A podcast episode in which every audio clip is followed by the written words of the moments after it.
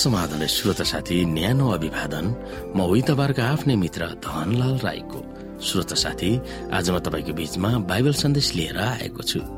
आजको बाइबल सन्देशको शीर्षक रहेको छ मैले परमप्रभुलाई देख्नेछु।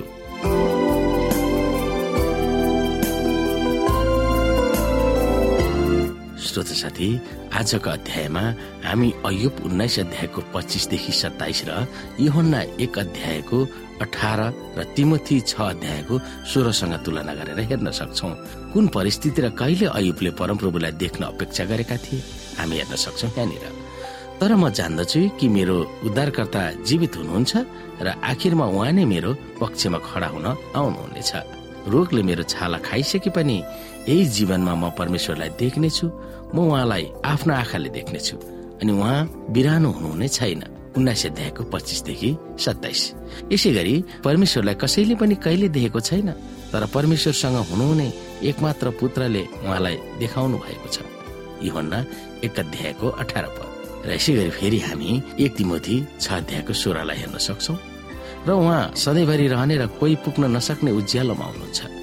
उहाँलाई कसैले पनि अहिलेसम्म देखेको छैन र देख्न पनि सक्दैन।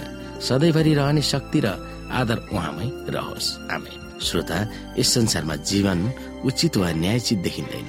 विशेष गरेर असल र धर्मी मानिसहरू अनेकौं दुःख कष्ट र पीड़ामा रहेका र दुष्ट पापी अधर्मी र भ्रष्टाचार र हत्या गर्नेहरू झन झन उनीहरूको उन्नति भइरहेको हामीले देख्न बाध्य भइरहेको अवस्थालाई हेर्न सक्छौ।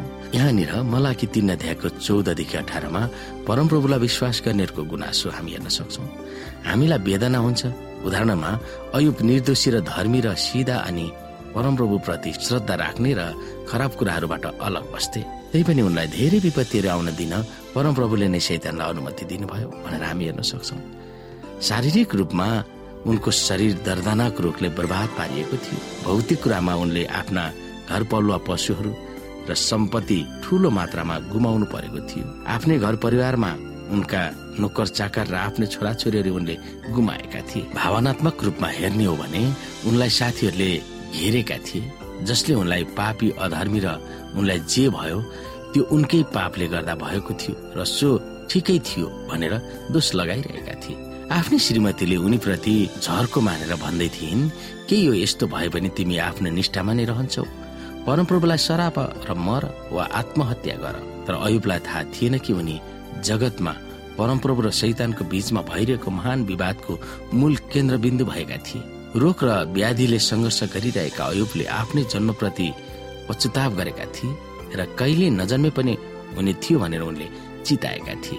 त्यही पनि परमप्रभु प्रति बिना शर्तको निष्ठालाई यसरी बडो भावुक तरिकाले व्यक्त गर्दछन्।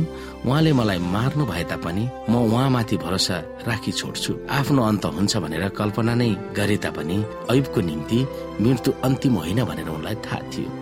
अत्यन्तै बलियो विश्वास गरेर उनले भन्छन् कि उनी मरे पनि उनले आफ्नै हाड छाला वा भौतिक शरीरले परमप्रभुलाई देख्न पाउनेछ। यो कुनै भ्रम बिना पुनरुत्थानको झल्को अयुबले देखेका थिए। यस्तो दुःख र वियोगको बीचमा अयुबको आशा कस्तो महिमित थियो। बिमार पीड़ा दर्द आर्थिक स्थिति धरायसी भएको बीचमा समाजबाट छिछि दूर दूर गरेको अवस्थामा र भावनाहरू पनि चकनाचुर भइरहेको बेलामा पनि अयुबले त्यस दिनको अपेक्षा गरिरहेका थिए। जब उनी मृत्युबाट पुनरुत्थान भएर उनको प्रिय उद्धारकर्तालाई उनले देख्नेछन्। यथार्थमा अयुबले पुनरुत्थानको बारेमा व्यक्त गरेका आश्वासनले भरिएको धारणालाई शताब्दीौं पछि मार्थाले यसुलाई व्यक्त गरेकी थिइन्। मलाई थाहा छ कि अन्तिम दिनमा लाजरस फेरि बौरी उठ्नेछन्। अयुबले पनि मार्थाले जस्तै गरी यो प्रतिज्ञालाई विश्वासद्वारा दावी गरेका थिए त्यो प्रतिज्ञा तुरन्तै शक्तिशाली रूपमा पूरा भएको मार्थाले जस्तै अयुबले देख्न नपाए तापनि उनले परमप्रभु प्रति आफ्नो निष्ठा कायम नै राखेका थिए। अन्तिम श्रोता अनेकौं रुखो अन्यायी औचित्यविहीन देखिएको जीवनमा पनि परमप्रभु प्रति भरोसा राख्न हामीले सिक्नु पर्दछ यी कुराहरूबाट।